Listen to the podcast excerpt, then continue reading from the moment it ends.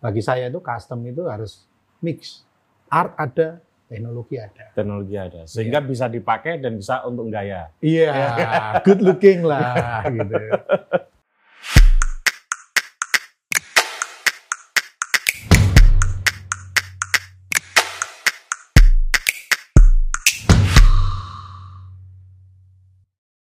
Halo teman-teman, ketemu lagi dengan saya Putu TA Kepala Suku Mojo dan sore yang cukup deras nih hujannya.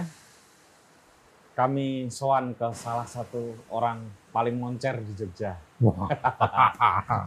Moncer bener kalau ini. Waduh, waduh saya empat ka, ya empat kali lah datang ke acara beliau sudah tarafnya ada yang bilang menyebut nasional bahkan ada yang menyebut internasional. Mas Lulut Wahyudi, pendiri Custom Fest. Mana kameranya sini ya? Sini, Oh, iya. halo. Aduh. Jadi kalau dibilang moncer ya enggak lah. Hanya mungkin orang eh, berpikir ini orang gila dari Baciro ini bikin apa lagi ya? Eh, jenengan asli Baciro ya? Ya Baciro. Nah, ini ini ini, ini daerah Baciro. Ya. Mas, Ya. eh, dulu jenengan dua kuliah dua ya? Loh kok tahu?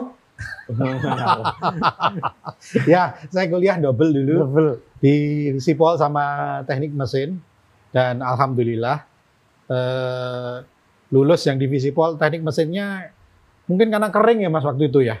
Visipol tuh hijau-hijau Nah. dan Enggak, ini visi polmanya mana teknik mesinnya? UGM. mana? Semua UGM dua-duanya. enggak. Teknik mesinnya saya Akprin dekat sini. Akprin. Balapan sini. Ya. Akprin ya? Ya tahun berapa ya? Saya tahun kedua atau ketiga gitu. Lupa saya. Saya putuskan untuk eh, fokus di satu tempat saja karena kalau kuliah dua itu ganggu main ya mas ternyata. Jadi kita nggak bisa Enggak, kok, kok, kok kepikiran kuliah dua sih? anu aja, sok-sokan aja. Dulu kan teman-teman banyak tuh. Teman-teman saya, saya kan lulusan 4B, Apa SMA ya, ini selulusan Itu kan anu lah SMA terbaik di Jogja lah. banyak yang kuliahnya waktu itu kan ngetren kuliah Iya. dua, dua, dua. Saya kan pingin-pingin sok-sokan tuh mas. Oh, di Patmanaba itu sering ya? Ya dulu angkatan-angkatan dulu kan yang memungkinkan kan. Iya. Yang satu bisa titip, yang satu bisa. Sekarang kan nggak bisa. Fingerprint kan sekarang. Susah kan? Dan Soswal UGM ilmu komunikasi lagi ya? Iya. Salah satu jurusan yang paling sulit dimasuki. Iya, ini yang apa? Orang bilang akhirnya dipakai untuk komunikasi di Custom Fest. Oh ya. Duluan mana Mas? Masuk UGM atau ak, ak teknik mesin hingga Akprin? Bareng dulu. Oh, Iya. kalau boleh tahu masuk tahun berapa tuh? Berapa ya? 94 ya? 94 ya? ya? 94. Dan saya belum pernah pakai ijazah saya loh, Mas. Hmm. Nah, saya lulus terus bikin bengkel. Nah, langsung lulus bikin bengkel. Iya, karena waktu itu kebetulan eh, hobi yang akhirnya berubah jadi wah kalau cuman gini-gini terus kok nggak ini. Saya seriusin, hobi yang diseriusin. Itu bikin bengkelnya 2002. Eh, dua malah tahun 2000 itu udah sudah berdiri Retro Classic Cycles. Hmm. Tapi belum secara apa ya? Kemudian kita mendirikan CV itu karena kita banyak import barang waktu itu. Dan barang-barang kita ada masalah di custom yang mengharuskan kita akhirnya bikin perusahaan. Oke. Harus ngurus surat perizinan. Kalau dulu kan masih bisa Hmm. ngimport nitip. Nah, nitip siapa nitip, Iya. nitip. Nah, 2002 saya ingat banget waktu itu dirikan uh, CV Retro Classic Cycles. Saya sama adik saya Yaya yang tadi di bawah tadi. Hmm. Udah berdua running satu workshop. Dulu kecil, Mas. Bukan segede ini, Iya. hanya garasi mobil aja disekat. Ada uang bangun atas, ada uang bangun belakang, ada uang beli mesin tambahan. Jadilah kayak tadi emplek. Makanya kalau dilihat emplek-emplekan tuh mas, tinggal saya. Tapi Mas, kok memutuskan bikin bengkel gitu loh? Bengkel retro ya? Eh, modif lah ya kalau anak zaman ya, sekarang. custom. Custom. Custom itu bahasa gampangnya ya modif tadi itu. Ya. Tapi kalau secara pengertian harfiah adalah custom made itu membuat sesuatu yang mungkin belum pernah dibikin ya maksudnya. Kita bikin. Kalau memodifikasi itu barangnya ada dirubah eh, dengan bentuk yang lain atau ubah suai. Nah, kalau Hmm. custom pengertian saya pribadi adalah uh, membuat, mendesain kemudian membuat. Oke. Nah, lebih jauh lagi ini kalau kita ngomongin uh, lebih ke fils filsufnya adalah Hmm. custom itu mix between art and technology. Oke. Kalau bikin hanya kuat, nanti motornya kayak jembatan itu kuat. Iya, Iya iya kan? Iya, iya. Tapi kalau ngomongin art, jadinya manekin, nggak ada fungsinya, Hmm. hanya dipajang tok. Hmm. Nah, makanya bagi saya itu custom itu harus mix. Art ada, teknologi ada. Teknologi ada. Sehingga bisa dipakai dan bisa untuk gaya. Iya, good looking lah gitu. Gitu. Enggak kok bikinnya bengkel gitu. Nah, kembali lagi kenapa bikinnya bengkel? Waktu itu passion saya lebih kuat main eh, motor. Jadi berangkat dari motor tua, saya SMA itu udah naik BMW tua ya, bukan Oh. BMW yang baru, BMW BMW. Dulu itu banyak pasturan-pasturan Ya, di Jogja ya. ini. Eh, romonya itu pakai R25, R27, R26. Nah, Hmm. saya kuliah itu udah saya SMA itu 27 terus kuliah itu ganti 25 26 2 R27 terus naik Norton Tapi PSA. tapi itu kan sudah mahal ya dulu ya. oh enggak mas Oh, Dulu Norton murah. ya, oh iya dulu murah mas Hmm. dulu murah saya beli R25 itu di masa saya kuliah saya ingat banget harganya 1 juta 750 terus BMW R27 bagus banget Eh, saya beli dari tetangga saya sini nih Mas Dikar dosen di UGM Mas Dikar itu Hmm. itu kalau nggak salah nggak nyampe 4 juta waktu itu setara sama Oh, tapi tahun Honda. Karisma baru Ya, ya Karisma waktu itu baru pemb- 4 juta pembandingnya ini 200-an ya waktu Iya, itu. waktu itu eh, apa eh, Harley itu ya di atasnya. Nah kalau kita lihat sekarang kan harga motor ya tetap yang baru ya tetap naik sih naik. Iya. Tapi kalau dibandingkan dengan harga motor tua kan jadi bumi langit. Apa yang membuat jenengan tertarik dengan motor tua? Apa yang membuat saya tertarik karena saya senang otomotif. ya. Jadi waktu saya SMP di eh, SMP saya itu saya di SMP 1 Hmm. Jalan Cik Ditiro. Terus sekolahnya api-api. SMP-nya satu, SMA-nya Patmanaba. Mungkin orang tua saya itu S- ngertinya itu cuma daerah itu. Jadi daerahnya satu jalan yo, itu. yo, nganggo SMP kompetisi lah Mas SMP itu. siji, SMA dulu. Ya nek, nek kalau tinggal mlebu ngono ya kabeh wong belum mlebu. Ya itu kan pakai kompetisi. Itu ada mata pelajaran anu Mas, apa itu uh, otomotif. Nah, saya ingat waktu itu SMP itu SMP ya. saya dapat sumbangan dari eh, kepolisian Honda CB eh, Sitaan. Itu udah dibuka isinya air semua, kita bersihin, kemudian eh, dibeliin eh, platina, dibeliin gasket, kita rangking dan hidup. Itu yang men-trigger pertama kali ini apa ya? Senengnya luar biasa saya menemukan kebahagiaan waktu bisa menghidupkan itu. Nah ini yang kebawa di lulut kecil gitu. Iya, iya. Kalau flashback lagi, bapak saya penggemar motor juga karena mbah saya naikannya BSA.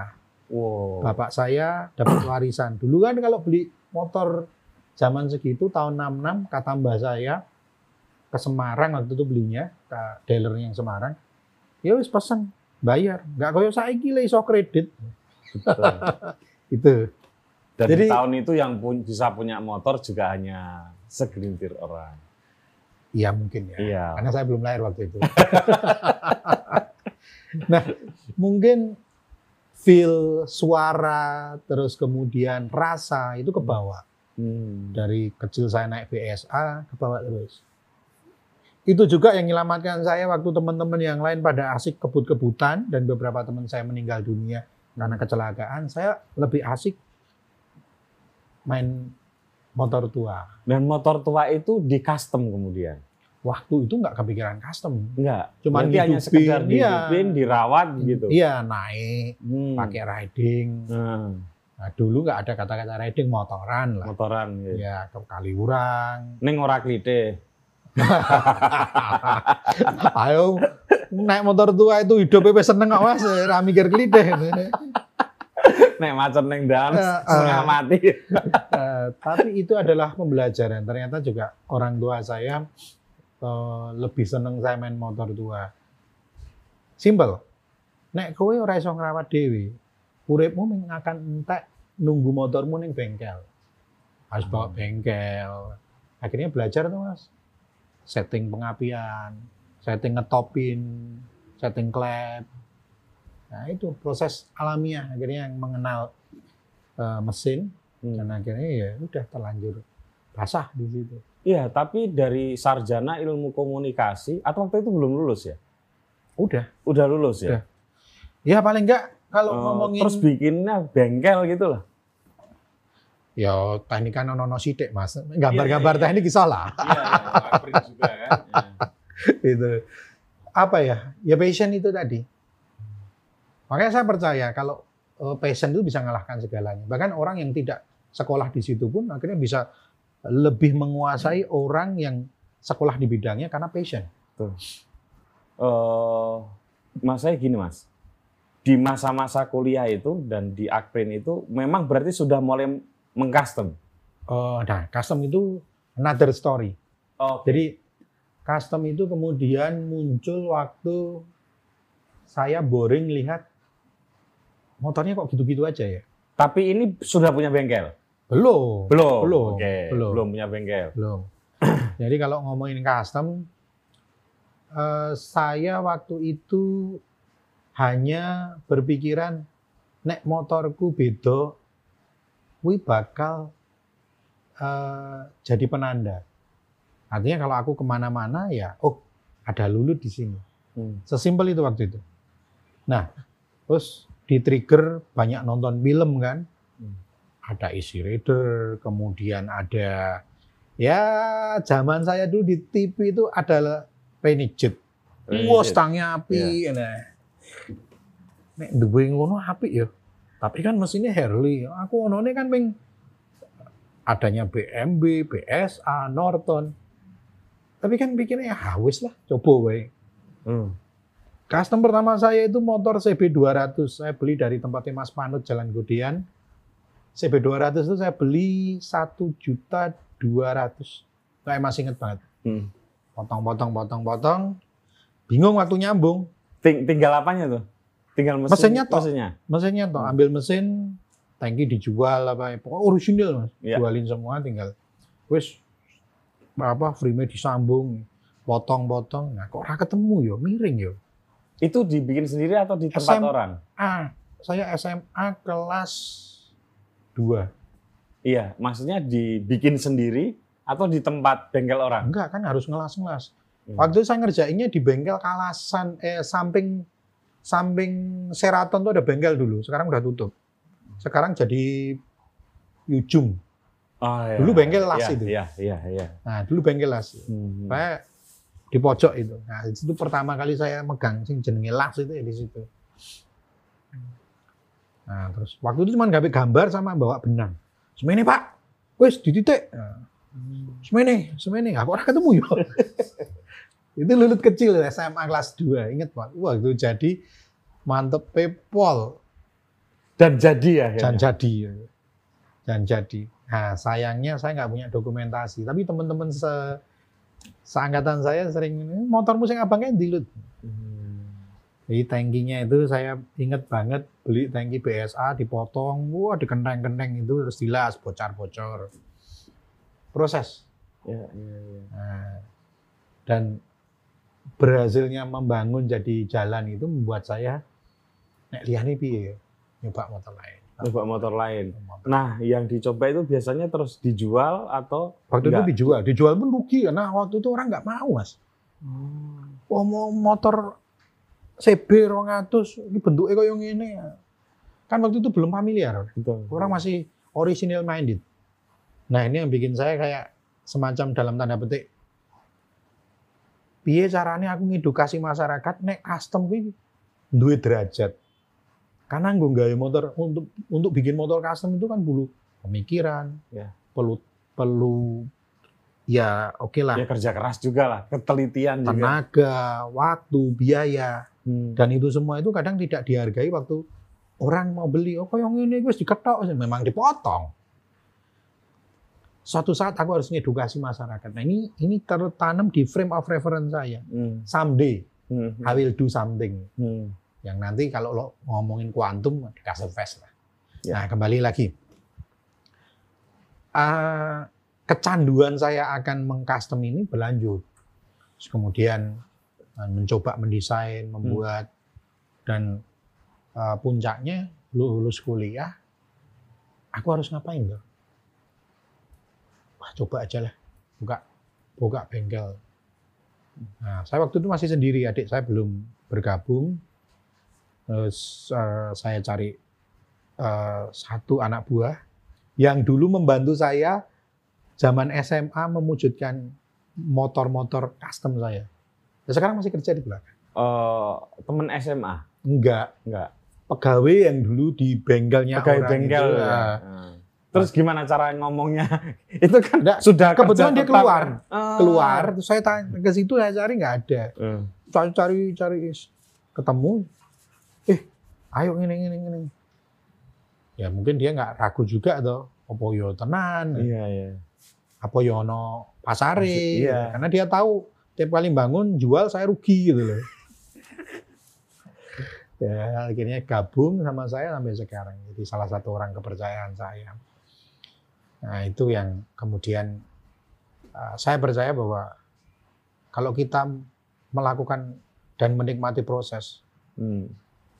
Walaupun jalannya panjang tapi akan sweet ending ya. Iya. Ingat nggak Mas, gimana tuh cara mencari apa ya eh, orang yang mau mengcustom di situ, membuka pasar? Eh, simple. Saya datang ke sebuah acara naik motor yang saya custom. Oke. Sebenarnya marketing itu. Hmm. Tapi kedoknya ya, wah aku riding mengun- me- apa, mendatangi acara. Padahal di situ marketing. Fungsi marketing saya jalankan. Hmm. Motor saya ikutkan kontes. Kalau ada kontes di situ. Hmm. Saya nggak mikir menang kalah.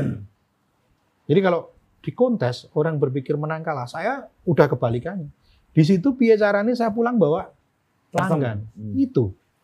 Jadi yang lain asik deketin juri, sepik-sepik, saya udah nggak peduli. Saya siapa yang tertarik oh si A, tak deketin. Tertarik mak.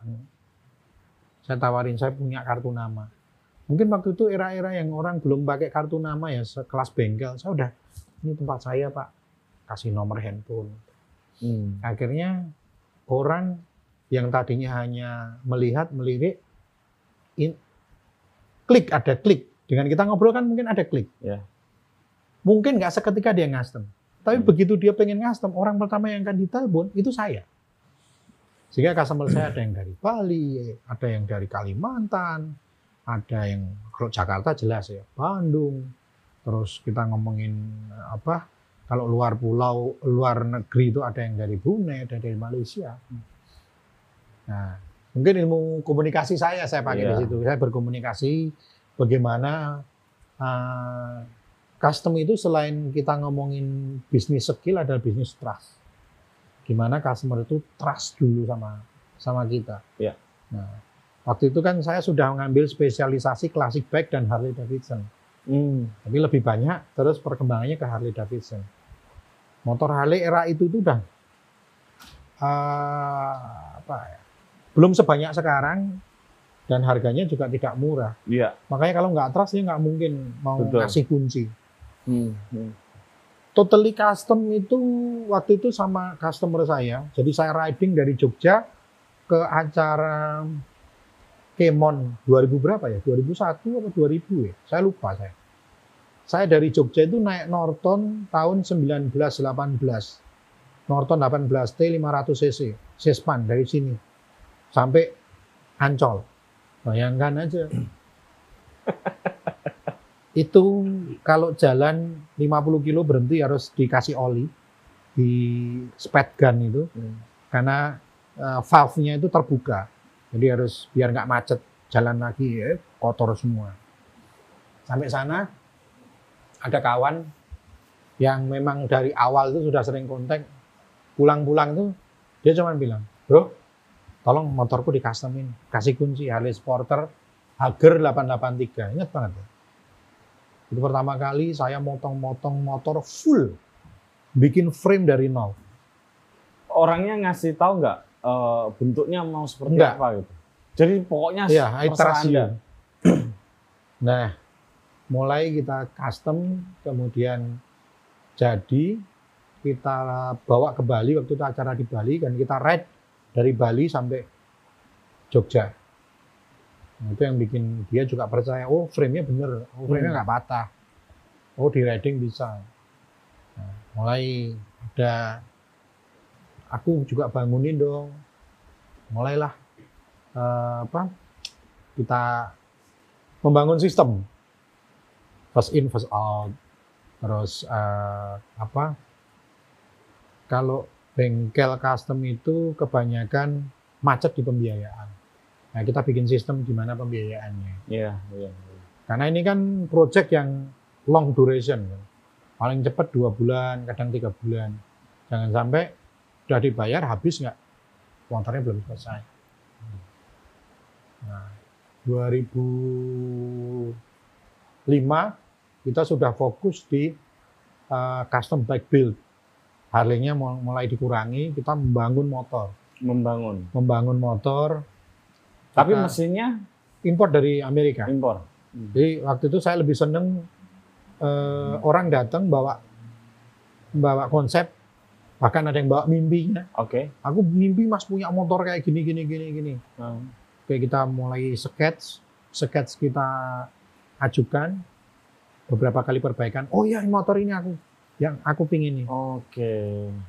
Plus kita mulai membawa eh, itu tadi apa yang jadi personifikasi dari si owner itu, kemudian kita bawa ke motor custom. Sebagai contoh, waktu saya bangun motor untuk Erwan Ardiansa, pembalap motocross, juara beberapa kali, empat kali atau lima kali, Hmm. mungkin lebih ya. Em, dari ngobrol itu saya tahu bahwa dia sesuatu senang sesuatu yang fokus, yang tajam. Saya senang eh, dia senang warna itu warna yang berani, merah. Terus dia senang sesuatu itu yang eh, cenderung curve daripada yang apa ya, yang lurus-lurus gitu. Ya. Motornya saya bikin sesuai dengan karakternya dia. Hmm. Mungkin kalau itu dipakai orang lain nggak nggak match, tapi begitu di, dipakai Dian ya itu Dian banget. Iya, iya. iya. Sehingga orang ngomong ini motor, ya ini motornya Dian banget. Jadi custom itu salah satunya ya personifikasi dari Iya. orang ya. Nah, saya lebih eh, suka kalau bilang kalau konotasinya motor custom itu bagaimana membuat motor itu lebih jadi barang yang sangat personalized dari si ownernya. Hmm. Berarti misalnya nih Mas, kalau jenengan lagi ketemu motor di jalan gitu, Nah, lagi di parkir, gitu, hmm.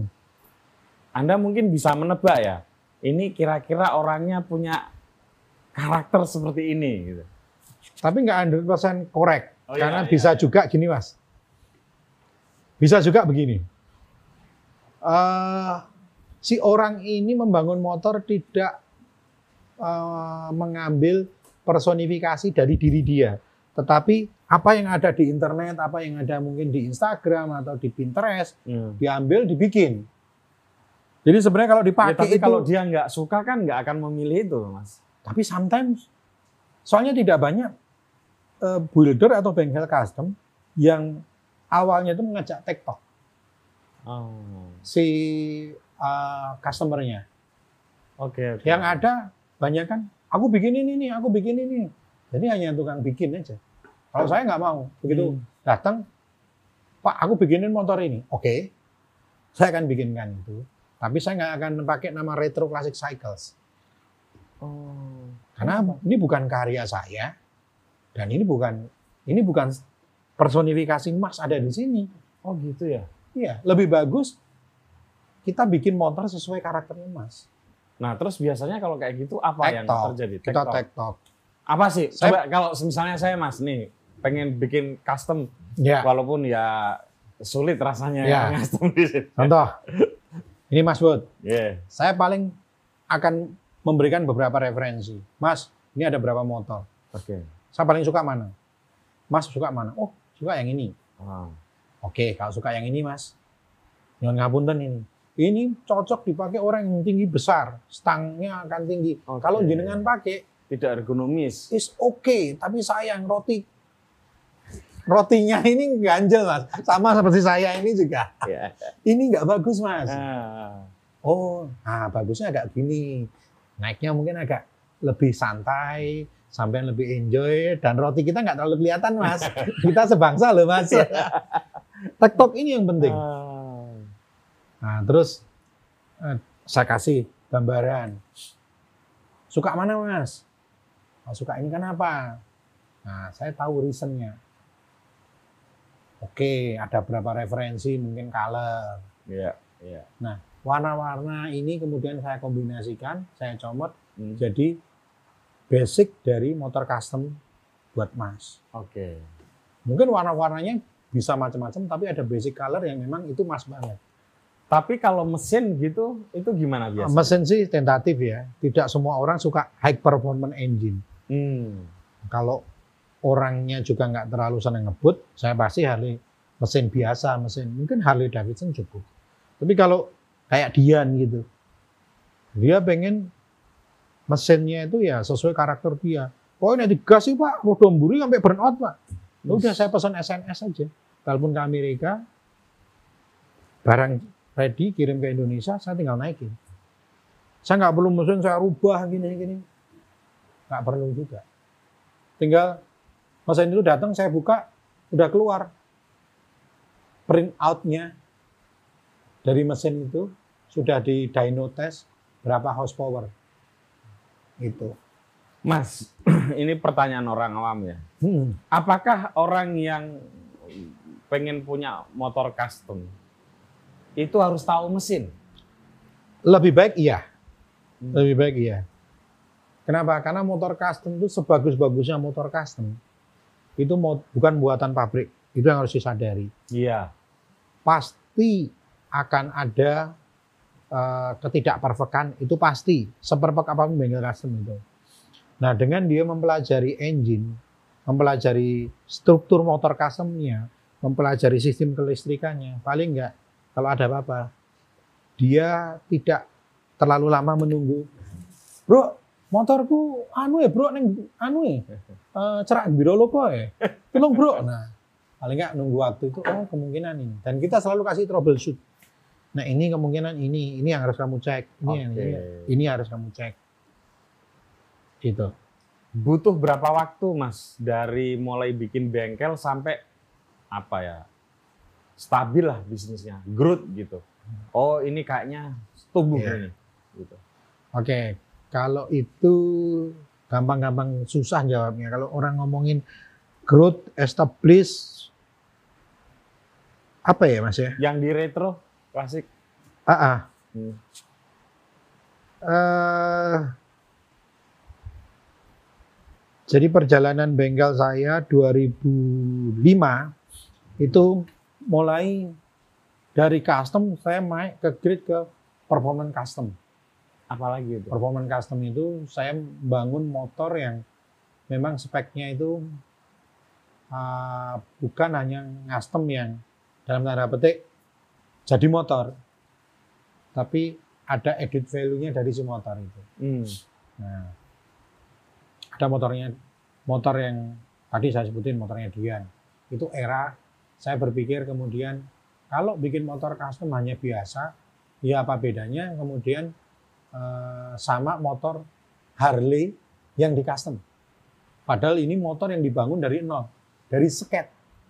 dari sket, dari bangun frame, dari Iya, iya, iya. dari uh, ya, build from scratch lah.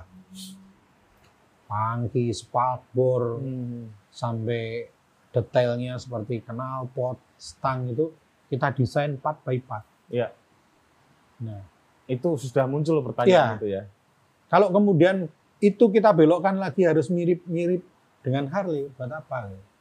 Saya ngambil jalur yang mungkin kalau di Oh. dunia musik itu uh, hardcore-nya lah. Iya, iya, iya. Dan itu akhirnya jadi pembeda saya. Pembeda retro klasik cycle. Bahkan ada omongan, wah nek di sana ini nek ora um, bangun seko frame ora digarap. Sampai akhirnya ada Istilah Sebenarnya- builder itu Iya. ya. sebenarnya digarap juga, tapi saya mem- me- apa ya? Orang bilang sih spesialisasi ya. Iya. Ya, saya ngambil spesialisasi ke sana. Ya sentuhannya itu Lebih puas. 80%. Iya, Ya. lebih puas. Sampean bener-bener apa ya ngebangun dari dari apa yang sampean itu impikan, Hmm. Kita breakdown part by part, kemudian kita bang, bikin part itu kita rangkai jadi satu motor, Dan yang paling ditempel di situ hanya mesin saja. mesin aja. Jadi bisa dibilang motornya itu one and the only. Iya, iya, iya, iya. Itu untuk orang-orang tertentu ada kadar kepuasan yang tinggi. Pasti. Iya. Ya. Karena sama mulai hal 2005 Iya. gitu. sama mahal apa pun sampean beli motor entah whatever dah mereknya pasti akan ada yang mirip bahkan sama Hmm. ya kan Iya. pokoknya punya duit beli yang sama bisa tapi kalau ini nggak bisa ini tren baru yang kemudian lahir di dunia custom Indonesia Hmm.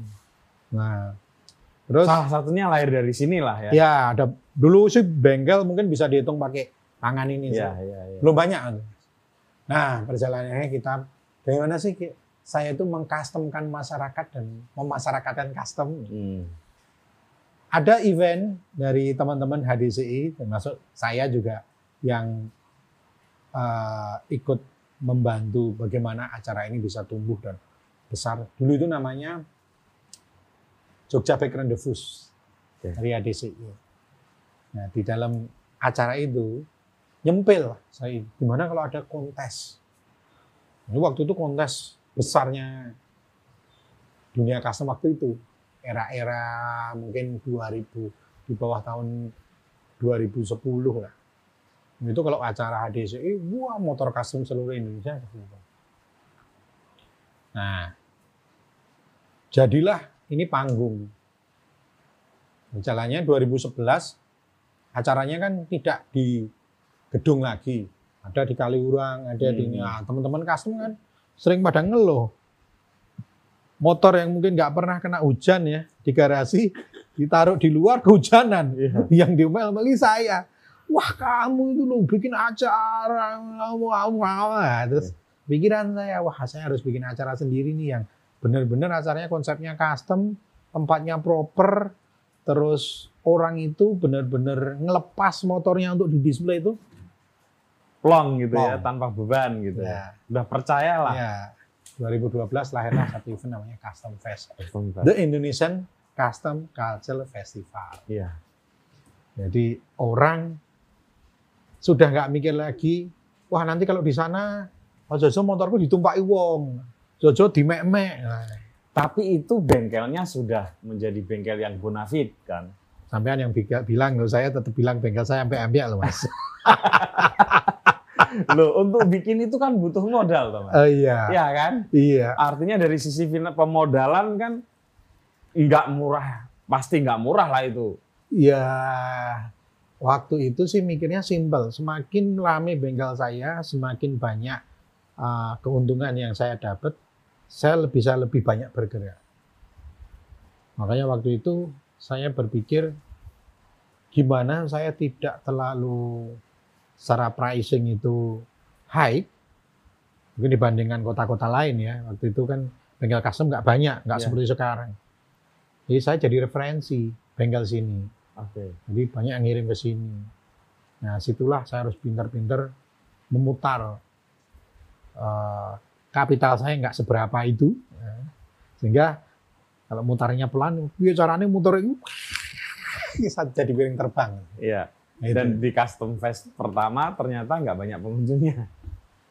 kayak itu another story lagi. Eh, ngomongin custom fest, eh, saya akan start eh, bicara dulu retro classic cycle yang seru adalah eh, bengkel ini ini dulunya ini sempat jadi jujukan. Artinya Ya, jujukan itu tem- tempat untuk pertama kali di, Iya. didatangi lah. ya dulu kan tidak banyak juga yang masukin spare part. Part Harley karena Iya. waktu itu juga eh, ada sih dealer di Jakarta tapi lebih fokus ke eh, apa ya? Harley Davidson only. Spare part buat brand itu. Hmm. Sedangkan custom itu kan nggak- tidak mengenal brand. Part custom itu sebenarnya bisa diaplikasikan di apa saja kalau Hmm. dia bisa masang. Iya. Nah, saya Oke. lebih fokus di dunia custom ini.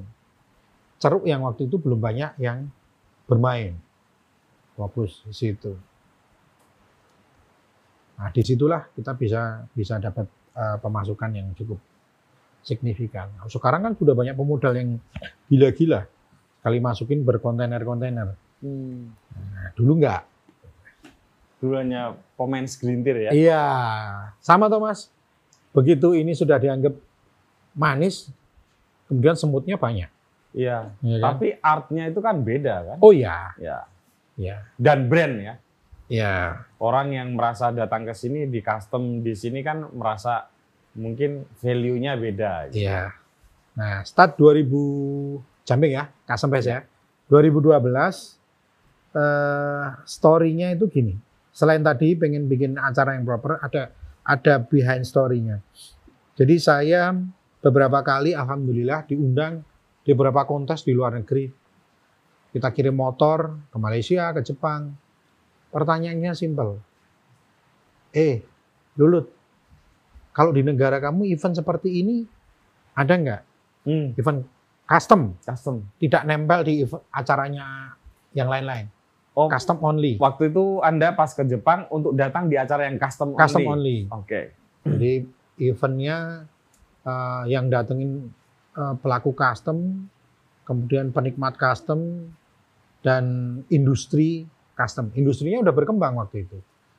Nah, saya berpikir nggak mungkin dong saya bilang nggak ada. Mosok ngelek-elek negara ini. Wah ada. Nah, wartawan-wartawan bilang kalau ada tolong kasih tahu, diundang, kita Hmm. akan datang. Nah, Jepang ketemu.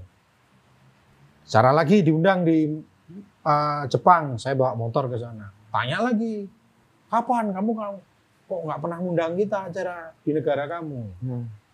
Oh iya nanti kalau anu acaranya udah ready, aku kasih tahu. Tanggalnya udah set, kasih tahu. Dah. Diundang lagi di acara, saya datang lagi. Marah-marah mereka nggak pernah dikasih tahu. Nah itu yang bikin kita berpikir. Saya sama adik saya sama satu lagi Aan eh, dari Custom Fest di Narita waktu itu saya nanya mereka. Ini kalau kita datang lagi ke event dan ngomongin custom bahwa di negara kita ada, kita udah nggak dipercaya lagi. Itu bilang bullshit kamu lulut. Sudah ketiga Nah. kali. iya. Bicara nih kita bikin. Hmm. Ya. Pulang mulai survei 2000 2011 itu. Dan kita cek berapa banyak bengkel, kira-kira audiensnya bagaimana. Dari survei itu ternyata memang kita belum siap. Bengkelnya masih sedikit. Karena hanya segelintir bengkel. Nah, waktu itu saya simpel. Katanya Elvis, Elvis Presley kan no or never. Ya. Nah, udah 2012 kita bikin. Wah, booking JEC. JEC 3 hall itu saya booking. Nah, waktu hari H, nggak ada sponsor mas, pakai duit semua, duit, duit kantong sendiri. Iya, ya. makanya berarti kan sudah sudah kaya. Enggak lah. Iya. Ada lebih ya, tapi kaya enggak. Nah, 2012 tuh bayangin tiga hall JEC itu kita kita booking. Heeh. Kalau di pepet ki satu hall isinya cuma. Ada kita udah nyewa tiga hall. Nah, saya ngadep waktu itu ke JEC, boleh nggak yang satu ini saya lepas? Saya hanya pakai dua aja. Saya bilang bahwa pengunjungnya mungkin nggak banyak karena pesertanya nggak banyak. Untung waktu itu manajemen JEC bagus, oke nggak apa-apa, oke lah. Kita pakai dua. Dua pun masih kosong, sampai teman-teman yang punya motor tak suruh pajang mas, percaya nggak? Saya minjem papan skate untuk acara itu, anak-anak skateboard itu, Hmm. tak taruh di dalam biar juga skateboard tidak di luar tapi di dalam. Wah, acara itu sampai sampean kalau masuk itu dingin karena nggak ada orang. Dingin. Masih ingat nggak mas? Pengunjung saat itu berapa? Aduh. Nggak banyak pokoknya. Saya lupa eh, Ya kira-kira. berapa deh. totalnya.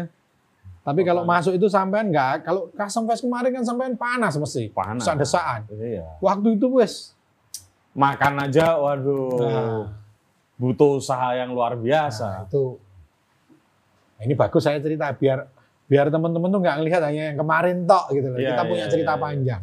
Saya saya nontonnya soalnya sudah ngantri tiket, Ah. jadi nggak tahu tiga tahun pertama yang kayak ini perjuangan berat ya. Nah, saya tahu apa ya niat yang baik, yang tulus, keteguhan hati itu bakal diamini sama yang kuasa. Yang kedua saya bikin lagi waktu itu saya ingat Aan, adik saya Yayati, wae lah, gue ngerugi meneh ya dewe gini. Terus gini oke. Turu gini akeh. Saya pikir lagi ya udahlah. Kata bapak saya almarhum tuh mau lanang urip ya kudu getah le, getih. Hmm. Udah. Saya gas lagi. Tahun kedua. Tahun kedua. Diadain lagi. Iya ora oleh sponsor meneh Mas. Tapi pengunjungnya rada akeh. Lumayan. Wah, lumayan banyak. Tetap rugi lah. Rugi lagi gitu loh. Ya. Terus yang ketiga saya udah janji sama kan ada Aan, ada Yaya, ada adik saya. Hmm. di sini di meja ini saya masih ingat. Ya. Nek yang ketiga ini rugi ya wis lah. Setidaknya sudah mencibat Iya. tiga kali ya. Kayaknya aku acar-acar jadi IO. ini juga serunya anak bengkel loh. Iya. Kita itu sosok IO ya. Ya yang ketiga alhamdulillah brand-brand besar mulai melihat oh ini ternyata bisa mendatangkan masa. Anak muda juga mulai tertarik satu-satu uh, brand yang yang selama ini jadi anulah panutan lah di dunia event itu waktu itu mau masuk walaupun nilai penyertaannya nggak belum Iya. inilah eh bagi saya ini sebuah Tapi tahun ketiga itu masih rugi atau sudah mulai impas? bisa dibilang impas Impas ya. kalaupun rugi ya rugi kecil lah Hmm. kita benar-benar bisa dibilang ada pemasukan itu di tahun keempat Keempat. keempat. Waktu itu tahun keempat kita sponsor-sponsor besar udah masuk. Setelah itu nggak perlu nyari sponsor, sponsor ngantri ya. Eh, kita tinggal milih mana yang sesuai dengan eh, konsep kita. Dan kita punya independensi. Mungkin eh, banyak event, tapi tidak banyak event yang kemudian punya independensi menentukan alur dari si acara. Oke, karena mintanya mungkin lebih banyak. Ya, mengganggu. Fest seperti ini. Hmm. Bahkan di masa lalunya itu saya masih ingat lagi.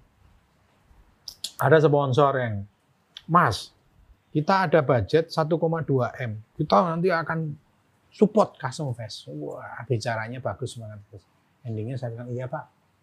Terus itu berupa apa Pak? Nanti iklan di TV. Pokoknya sepanjang Pulau Jawa itu titik baliho kita kita kasih semua ke Custom Fest. Oke selesai saya, iya Pak. Kami itu butuh biaya Pak untuk running Custom Fest. Terus real money-nya baliho. berapa gitu. Kita nggak butuh baliho, nggak butuh acara di TV. Iya. Kita butuh ini. Biar apa? Ya untuk meningkatkan kualitas event itu mau nggak mau harus ada amunisi kan. Hmm. Plus kita dari tahun pertama selalu bikin lucky draw yang jadi daya tarik Custom Iya, Fest. iya. Plus dari tahun pertama kita ngundang VIP guest. Orang-orang kalau di dunia custom itu hanya jadi dewanya. Hmm. Yang dia biasa ngelihat hanya di internet, hanya di majalah. Kita datangkan ke CEC. Orang bisa foto, orang bisa ya orang bilang, woi bermimpi ya aku lihat Roland Sen, bermimpi aku lihat Yanif Evan. yang selama ini hanya dilihat motor-motor karya-karya dia. Yang bikin orang akhirnya terpacu. Dan saya selalu ngomong sama pihak guys, tolong kasih tahu anak-anak muda, young people in my country. Hmm. Kasih tahu ke mereka bahwa dulu kamu itu start itu juga dari nol. Makanya saya cari orang-orang yang punya backstory kan. Iya, iya, iya. Nah itu yang diceritain. Jadi anak-anak muda ini mendengar itu, wah aku kalau seorang Yanip Evan bisa, aku berarti bisa. Spirit ini yang kita bangun di Custom Fest. Hmm, hmm, hmm. Bahwa kalau kamu start dari sekarang, sekian tahun lagi kamu udah jadi seperti mereka.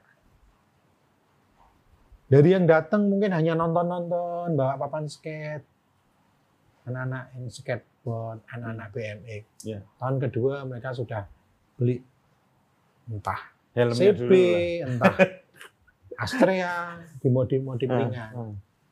Tahun ketiga, tahun empat udah mulai main custom. Bahkan ada yang buka bengkel custom. Tapi bener nggak sih mas, custom itu identik dengan uang yang gede? Ah, kalau identik sih tidak. Ah, untuk performance custom iya, tetapi kalau kita ngomongin custom secara general tidak. Artinya sebetulnya teman-teman muda itu bisa mengcustom hanya dengan mesin-mesin yang sangat mungkin dibeli dengan harga Iya. jutaan gitu ya. Ada story yang bikin saya terenyuh. Ada yang datang ke sini, kebetulan saya lagi nongkrong itu ada datang. Bilangnya gini, Om Lulut, eh, saya baru beli CB Hmm. tahun besok pengen ikut custom fest. Saya pikir ya orang lewat lah. Ya udah. Ternyata waktu berlalu dia motor dia lolos seleksi dan Om Lulut ini loh yang dulu saya pernah main ke bengkel. "Oh, Kamu? Ah, saya masih SMA. Kaget saya. Ya Om, masih ya bisanya gini. Bikinnya di bengkelnya temen. Kamu harus bikin sendiri. Dan saya gitu doktrin. Kamu Hmm. harus bikin. Lulut dulu SMA seumuran kamu tuh bikin sendiri juga. Dan dia itu sudah bisa disebut sebagai builder ya? Eh, kalau build, build- builder atau modifikator itu beda ya. Beda ya? Jadi kalau si builder anak itu- SMA ini apa sebutannya? Kalau builder itu dari mulai desain, Hmm. barangnya nggak ada, dia mulai sket, kemudian ngitung Oke. teknik, bikin frame, bikin part by part ya, baru dirakit jadi motor. Hmm. Dia masih dalam taraf mungkin modifikator karena modifikator. motornya ada dirubah dirubah suai.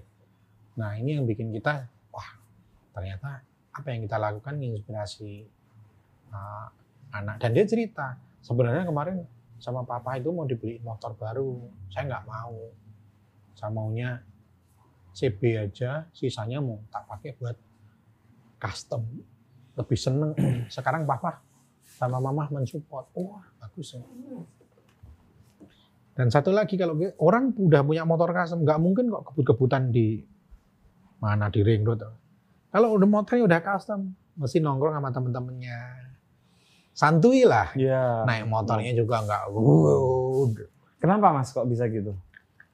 Sampean kalau udah naik motor custom, pasti berpikir tuh, wah dilihat orang. Masa cepat? Iya. Terus akhirnya rentet pan panjangnya, stylenya juga menyesuaikan.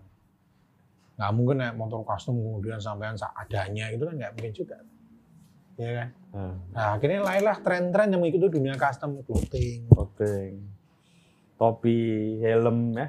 di jalan Cendrawasih itu. Era-era tahun mungkin di sebelum custom fest kalau ke situ adanya kan clothing-clothing itu musik. Bajunya itu loh. Ya. Gambar logo band, musik, tetek mengek lah kata-kata. Jadi sekarang lihatnya gambarnya banyak brand-brand yang lahir seiring dengan perkembangan custom kan. Artinya industri custom sekarang di Indonesia makin berkembang. linked. Saya bilang linked dan Hmm. connected. Hmm. Terus eh, band-band bercerita naik motor, riding, Iya, ya kan? iya benar. Clothing masuk, musik, lifestyle. Terus kemudian orang butuh tempat aktualisasi, ada coffee shop. Ya, peratelan-peratelan ini yang bikin ekosistem baru di dunia custom. Itu. Dan kita di Custom Base eh, bangga bahwa kita jadi bagian dari itu semuanya. Itu. Dan teman-teman yang tentu banyak yang sudah tahu juga, yang termutakhir bahkan Mas Lulut bukan hanya mengastem motor, tapi bikin pesawat. Wah, Jadi- aduh, di depan tadi ada pesawat yang di custom itu itu sebutannya custom pesawat atau apa tuh? Nge-build pesawat. Karena kalau Nge-build pesawat, pesawat. itu eh, mau dipasang apa, mau dirubah apa, kita harus lapor. Ah, Jadi kan keselamatan di udara itu utama. Contohnya saya melakukan perubahan apa pun, saya harus konsultasi dulu sama pabriknya boleh nggak? Hmm. Oke boleh. Kita kita ada dasarnya lah. Tidak kemudian pakai geraji, potong ini, potong ini, sayapnya ditambah sekian kan enggak. Karena kalau di udara ini kita nggak hanya ngomongin yang di udara, tapi yang di darat di darat betul. ya kan? Satu baut jatuh. Kalau jatuhnya pas di kepala, lagian dari ketinggian berapa ya? 7000 kaki kan kayak ketembak, Mas. Betul. Lubang juga kepalanya Hmm. gitu. Sebenarnya ini ini ini dream ya. Ini dream. Jadi saya selalu bertanya sama diri saya sendiri, apa sih mimpi yang belum bisa saya beli? Apa sih mimpi yang belum bisa saya wujudkan? Alhamdulillah dari dulu mimpi pengen eh, pertama punya punya Harley, udah bisa di apa tercapai memodifikasi ya udah bisa tercapai walaupun lewat motornya orang-orang dulu baru kemudian punya ya. Itu jalannya Tuhan kan. Ya. Nggak harus kita kemudian punya dulu tapi pakai punyanya orang dulu. Akhirnya mampu. Terus kemudian pengen punya bengkel, alhamdulillah kewujud. Pengen bengkel saya lebih spesifik ke dunia yang saya senengin, performance custom dikasih kemudahan. Nah, saya berpikir apa sih yang belum? Oh, saya pengen eh, main muscle car, cari bangke-bangke mobil muscle. Iya. Kemarin-kemarin sempat saya mungkin 4 tahun lima tahun yang lalu Iya. sibuk muscle car. Nah, Sempat juga atau viral ya di di mancanegara ya. nah terus mim- mimpi apa sih yang belum terwujud? Waktu kecil tuh pengen terbang, tapi kalau terbang kan mahal biayanya mas. Sekolah terbang mahal, mana ada uang waktu itu kan. Nah, saya pikir kalau kita berusaha mewujudin gimana? Saya cari jalan. Kayaknya main ke teman-teman, terbukalah jalan. Hmm. Jadi saya selalu berprinsip kalau saya punya kemauan dan kita keras, pasti yang kuasa itu bukain jalan. Akhirnya terbuka, oh ternyata tidak se- serumit itu untuk terbang. Hmm. Ternyata Jadi yang pertama dijalani adalah belajar belajar terbang, dulu. dulu. Jangan dibalik. Kalau kita dibalik bikin pesawat dulu kita belum terbang nanti baga- bagaimana kontrolnya, bagaimana ini kan Ya. kita Blank ya. Iya. Hmm. Akhirnya saya belajar terbang, saya bergabung dengan satu klub namanya Jogja Flying Club. Terus eh, apa? Training terbang, bisa solo. Mulailah saya berpikir untuk membangun pesawat. Jadi saya selalu apa sih yang bisa saya lakukan bukan hanya buat diri saya, tapi bisa menginstruksi anak-anak muda yang sekarang ini sudah sudah senang custom. Kemarin mungkin sudah eh, ngebangun dari kelas motornya kalau choppy cup naik lagi ke motor eh, cc besar, cc besar bahkan sekarang sudah banyak yang main main apa V-twin ya. Saya nggak bilang merek ya, tapi Hmm. V-twin American V-twin. Oke. Nah, buat mereka kan harus ada mimpi lagi. Hmm. Ada yang kemarin sudah mulai sibuk membangun muscle car. Nah, sekarang mimpinya apa lagi? Ini loh kemainan baru nih. Ayo, Indonesia ini indah loh. Dilihat lah. Siapa sih yang mau ngeksplor kalau bukan kita-kita sih? Dilihat dari udara masa Iya. gitu. Masa orang-orang dari luar negeri datang ke sini terbang, keliling, bikin video cantik-cantik tentang Indonesia, kita sendiri nggak nikmati. Dream flying ini yang sekarang ini saya lagi pengen Iya. uh, sharing. Tapi kok uh, aspirasinya kemudian membikin ya. Tidak cukup dengan hanya apa ya, ikut klub itu gitu. Nah, sebenarnya terbang aja udah cukup membuat kita orgasme. Hmm. Bagi yang suka, kalau saya kan takut ketinggian. Nah, Jadi oke. malah Tapi- aneh numpak pesawat raiso turu. Tapi saya kemudian berpikir, ini benda. Benda ini dibuat oleh manusia. Mosok saya juga nggak bisa. Oke. Mulailah tiga tahun yang lalu.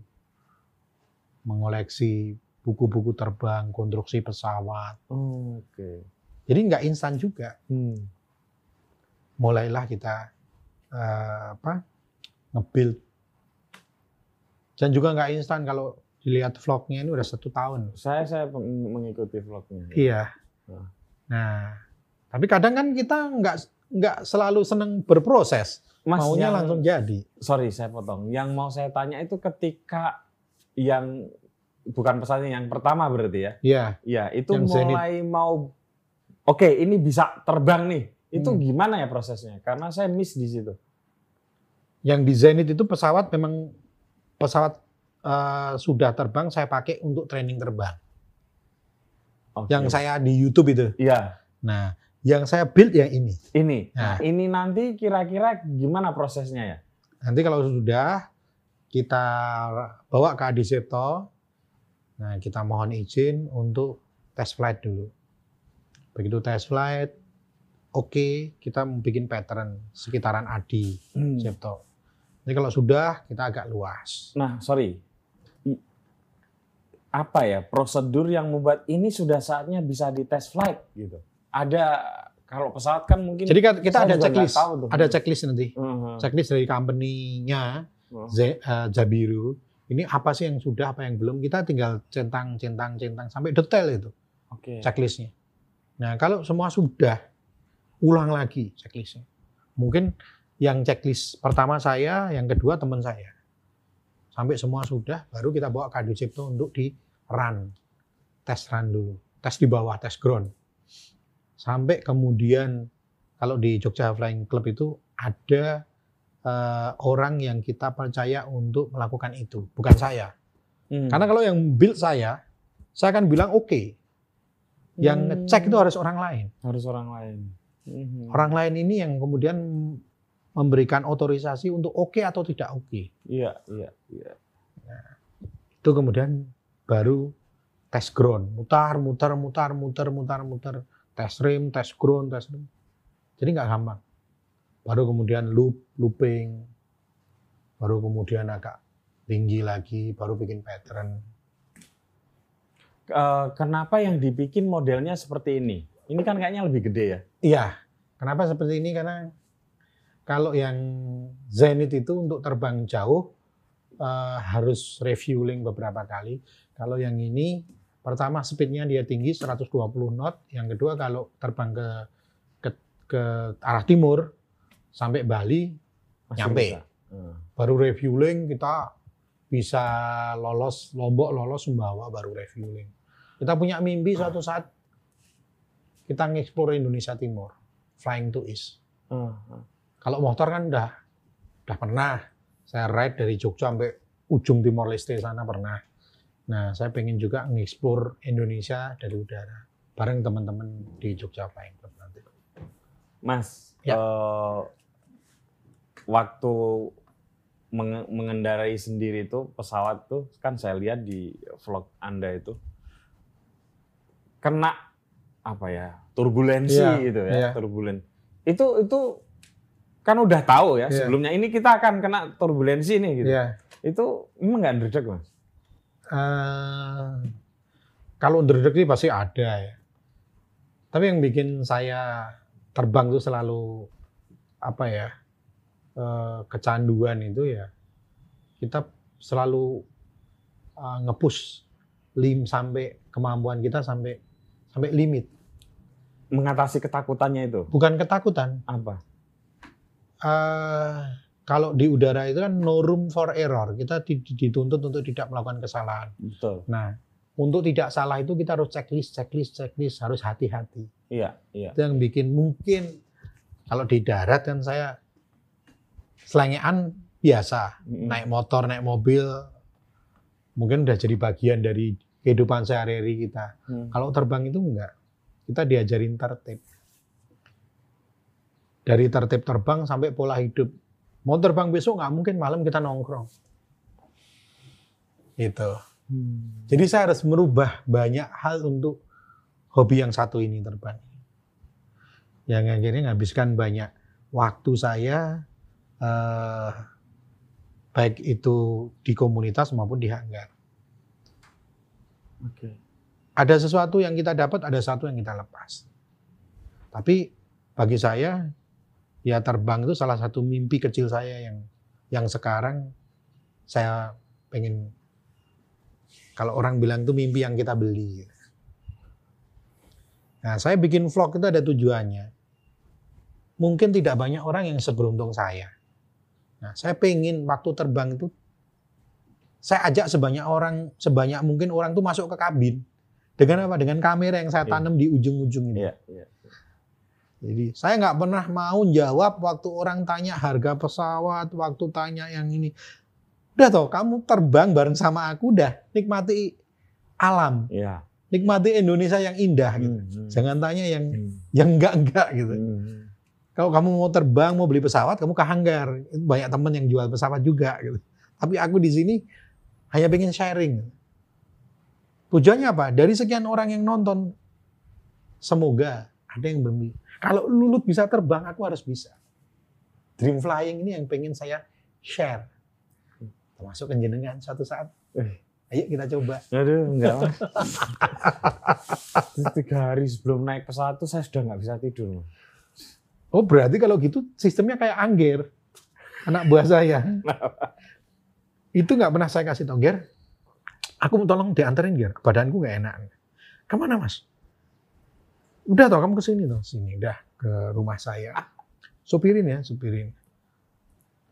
Aku pengen ke Prambanan. Oh, nonton Prambanan Jazz waktu Prambanan Jazz. Iya.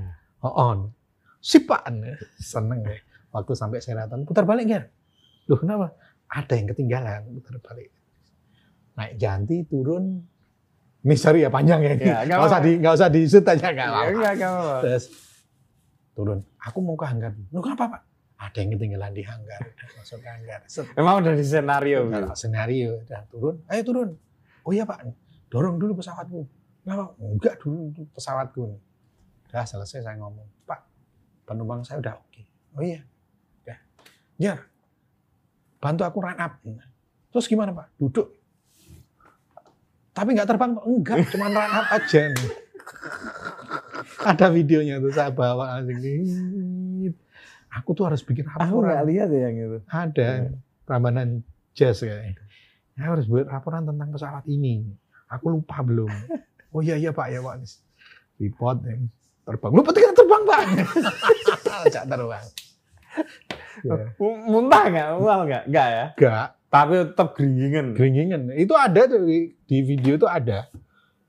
Itu bakal jadi cerita pertama dan terakhir dia dan dia bilang the best lah Pak. Akhirnya aku terbang. Tapi akhirnya tetap nggak mau mengulang kan.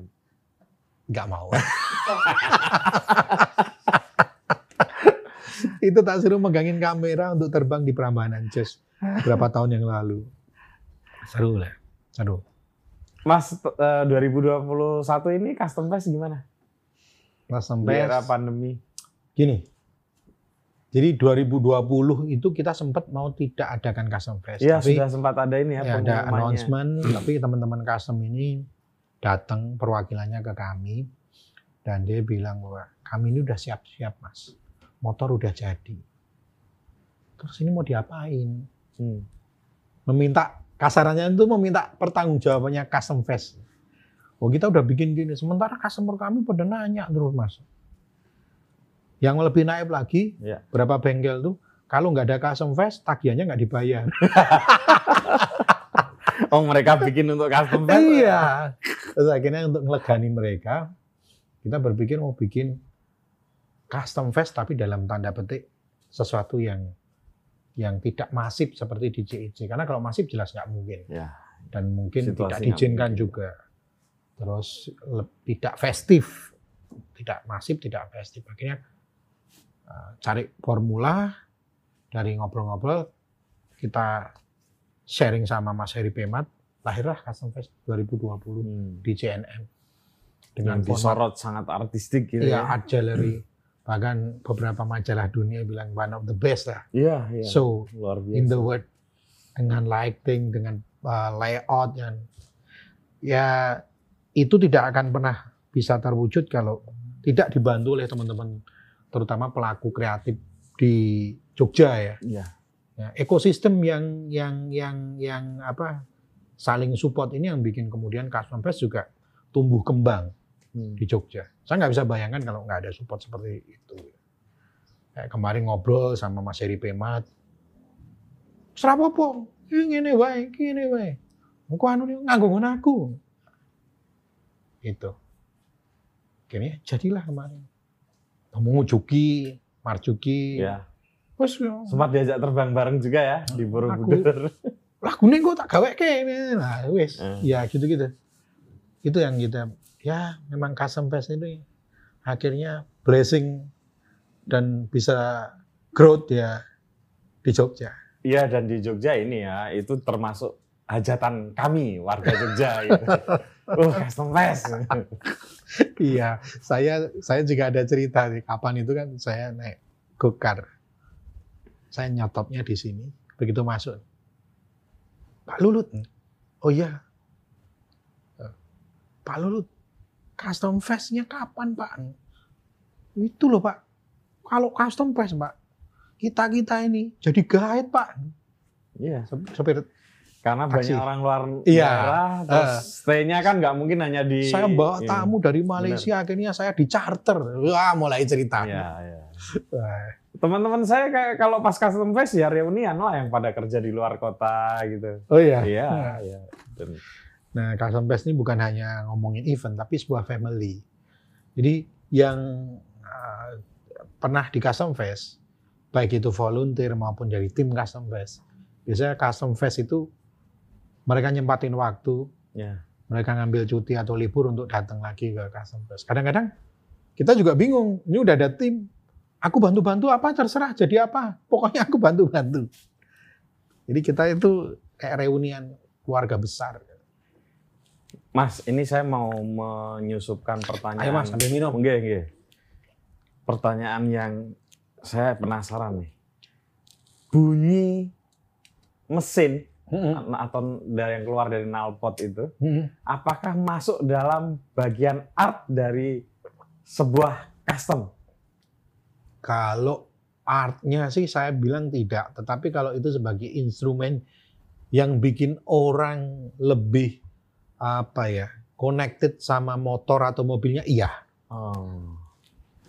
Jadi ada eh, customer yang mungkin bertahun-tahun dia dengar suara knalpotnya seperti itu. Hmm.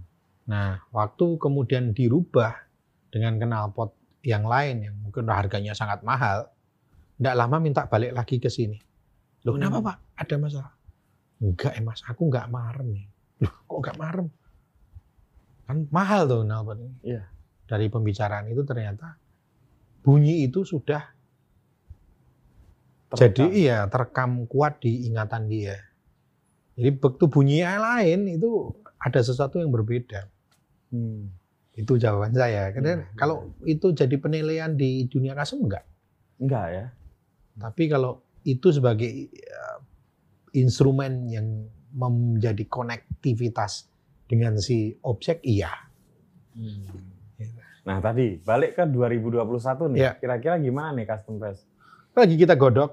Nah, yang jelas gini, kita akan tertib, kita akan taat, dan kita mau buktikan bahwa eh, custom fest dan masyarakat custom, anak-anak custom, dunia industri kreatif otomotif itu eh, taat hukum. Kalau memang Oktober nanti masih levelnya Jogja, di Jogja masih merah, ya. mungkin levelnya udah turun tapi masih merah ya kita nggak akan nggak akan bikin acara yang masif yang festif. Tapi kita akan bikin sebuah acara dalam format yang lain. Artinya publik ke pencinta custom fest masih bisa berharap dong akan ada penyelenggaraan custom fest walaupun Formatnya formatnya berbeda. beda. Iya, gitu. Iya. Ini lagi Artinya tetap diselenggarakan. Iya. Oke.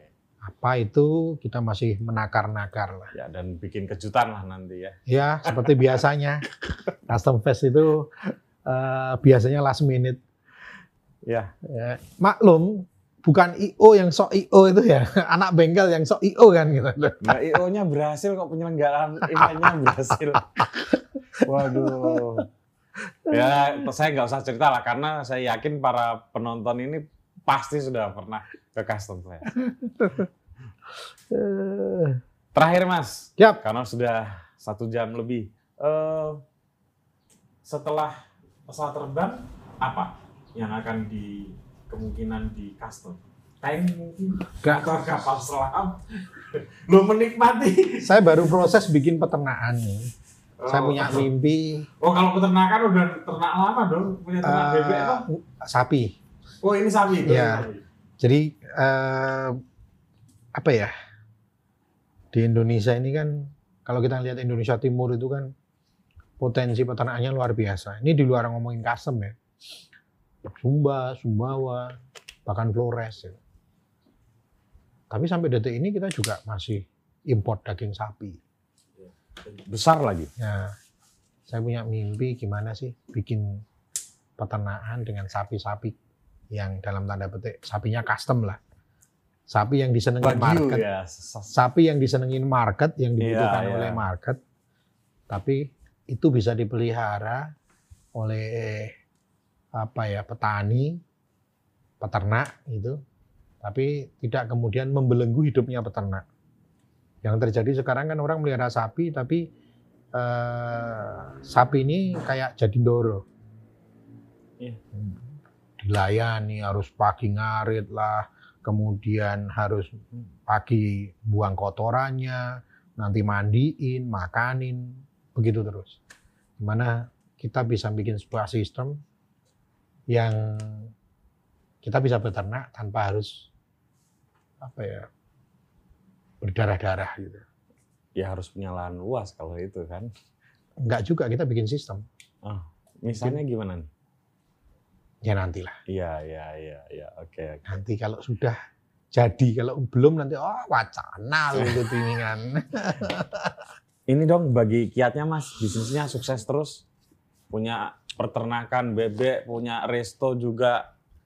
Ini apa ya? nih? Kiatnya apa? Tekuni aja, Mas. Ap- Apa yang sudah jadi uh, rencana kita. Banyak- Biasanya kan orang kalau mau melakukan sesuatu rencananya banyak banget. Hmm. Tapi saking banyaknya rencana bingung mau mulainya dari mana. Atau malah nggak dieksekusi ya? Mungkin gitu. Ya, kalau saya simpel. Saya menentukan rencana, saya evaluasi sekali, habis itu tak lakuin. Lakuin mungkin tidak benar, mungkin salah. Hmm. Mungkin malah keblondro. Hmm. Tapi itu upaya kita untuk benar. Artinya begitu kita kita salah, kita keblondro, ya dievaluasi lagi, jangan terus mundur. Yang salah kemarin dibenerin, coba lagi. Nanti kan ketemu jalan yang benar seperti apa. Itu. Yang yang saya lakukan cuma begitu, Mas. Learning by doing. Fokus ya. Ya, fokus. Ya, saya pengen eh, berdagang sapi. Saya nggak tahu loh, sapi yang bagus yang mana ini mana. Nanti Yang saya tahu- lagi belajar lagi Iya. kayak pesawat ya. Yang saya tahu kemudian saya beli tiket, saya ke Sumba sana. Di sana sambil milih, sambil belajar. Oh ini bagus, ini bagus. ini bagus. Udah ya? Udah, Dan besok ke Sumbanya akan naik pesawat sendiri. Aku nggak bilang gitu loh mas. Wah itu imajinasinya nanti ke apa peternakannya udah bawa pesawat dari Jogja ke si. Tapi bicara Sumba mas, itu pulau yang indah banget. Ya saya pernah. indah banget. Saya kebayang kalau kemudian di pinggir-pinggir pantai yang pasirnya putih itu dibikin airstrip gitu, landing di situ, camping, kemudian terbang lagi di ujung pulau sana. Hmm, Kan sepi, trafficnya nggak ada di atas. iya. Untuk sementara. Ya. Mungkin sampai untuk sekian waktu panjang juga belum. Nah, saya kebayang kalau ini nih teman-teman yang yang punya kelebihan dari finansial, sering main pesawat. Hmm. Banyak daerah-daerah yang indah ini bisa kita eksplor. Aku tak kapal selam lagi mas. Bikin dong mas, apalah tank mas untuk membantu TNI kita. Nah, udah ada yang Custom tank. itu udah ada anu mas, pindat itu bagiannya pindat. Kita gimana memberi mimpi Tapi buat kan anak-anak muda aja. Tapi memang yang kayak pesawat-pesawat kayak gini kemungkinan ke depan ya kan teknologi penerbangan juga anak-anak sekarang main drone juga Iya. mungkin akan makin ini ya pengiriman barang apa Iya. untuk rekreasi pribadi gitu. Kalau di luar ini masuk ke ranah general aviation. Ini berkembang luas. Dan di Indonesia penting karena ada hampir 17.000 pulau. Iya, sebenarnya bisa kita sebenarnya kayak gini harusnya bisa lebih berkembang. Kalau Filipina orang punya pesawat ya memang untuk transport. Jadi Filipina tuh banyak pulau-pulau kecil, Hmm, tapi bisa dipastikan di situ tuh ada airstrip sehingga pesawat bisa bisa landing. Kalau ada orang sakit juga bisa gampang evakuasi iya. gitu. Di sana kan pesawatnya tidak. Kita tuh selalu berpikir pesawat yang harus besar kapasitas sekian Ya orang. setidaknya Cessna ya gitu. Nah kalau di sana enggak, yaitu Cessna Cessna itu banyak yang Hmm. kalau Cessna kan landingnya tidak butuh airstrip yang panjang, Panjang. yang lebar, Hmm. yang harus mulus. Betul. Nah itu kita itu terbiasa harus airport ya mewah besar. Sama mikir kalau bisa sih landingnya di laut tuh. Ya kan, Ya kan sudah ada tuh ya. amfibi, Iya. pesawat amfibi. Nantilah kalau habis ini. Ah, Kalau tuh. ada rezeki atau atau kapal tapi di atas permukaan mas konsepnya kayak pesawat terbang iya loh mungkin kan itu Kalau saya enggak, hullnya itu bawahnya itu bawahnya itu hull kapal, tapi ada sayapnya. Jadi landingnya tetap di laut. Iya. ada juga kan itu memang Iya, yang pesawat yang yang mendarat untuk mendarat di air Ada pesawat yang bawahnya itu dikasih anu float kayak Iya. sampan gitu. iya betul Nah, Ada yang memang bawahnya itu hullnya kapal. It- Jadi itu landingnya iya. memang landing, dia nggak ada roda. Landingnya di di pantai. asik Saya bermimpi kalau itu bisa jadi moda transportasi antar pulau-pulau terpencil. nah kalau itu mungkin saya mau lah nanti diajak terbang itu kan, Kan di laut tuh Kalau ada penduduk di sana itu butuh sesuatu yang emergensi, yang umpamanya karena penyakit atau apa, tidak harus berjam-jam naik kapal. Dia bisa terbang. betul Terbang kan cepet, Mas. Mungkin naik kapal 4 jam, 5 jam, terbang sejam, bahkan setengah jam. nanti suatu saat kayak gitu tuh Mas Lulut ya mau ke mana pagi-pagi jam 9 saya tak nengok peternakanku boleh neng Lombok Amin. sore udah pulang lagi ke sini. Oke, Mas Rulut, lu makasih banyak. Eh, semoga apa kami para pencinta custom fest dan teman-teman yang menonton ini eh, bulan Oktober nanti akan ada kejutan Iya. dari custom fest walaupun di tengah pandemi tentu kita ya juga harus bersiap lah ya, Iya, ya yang terbaik gitu. nanti tunggu aja serialnya. Dan buat teman-teman, jangan takut bermimpi. Ya. Karena eh, mimpi masa kecil kita itu sebenarnya mimpi yang pure, yang paling indah. Manakala kita bisa mewujudkan semua mimpi-mimpi kita. Asik. Terima kasih, Mas Lulut. Oke, teman-teman, begitu obrolan saya dengan Mas Lulut dan sampai ketemu lagi dengan tamu saya selanjutnya.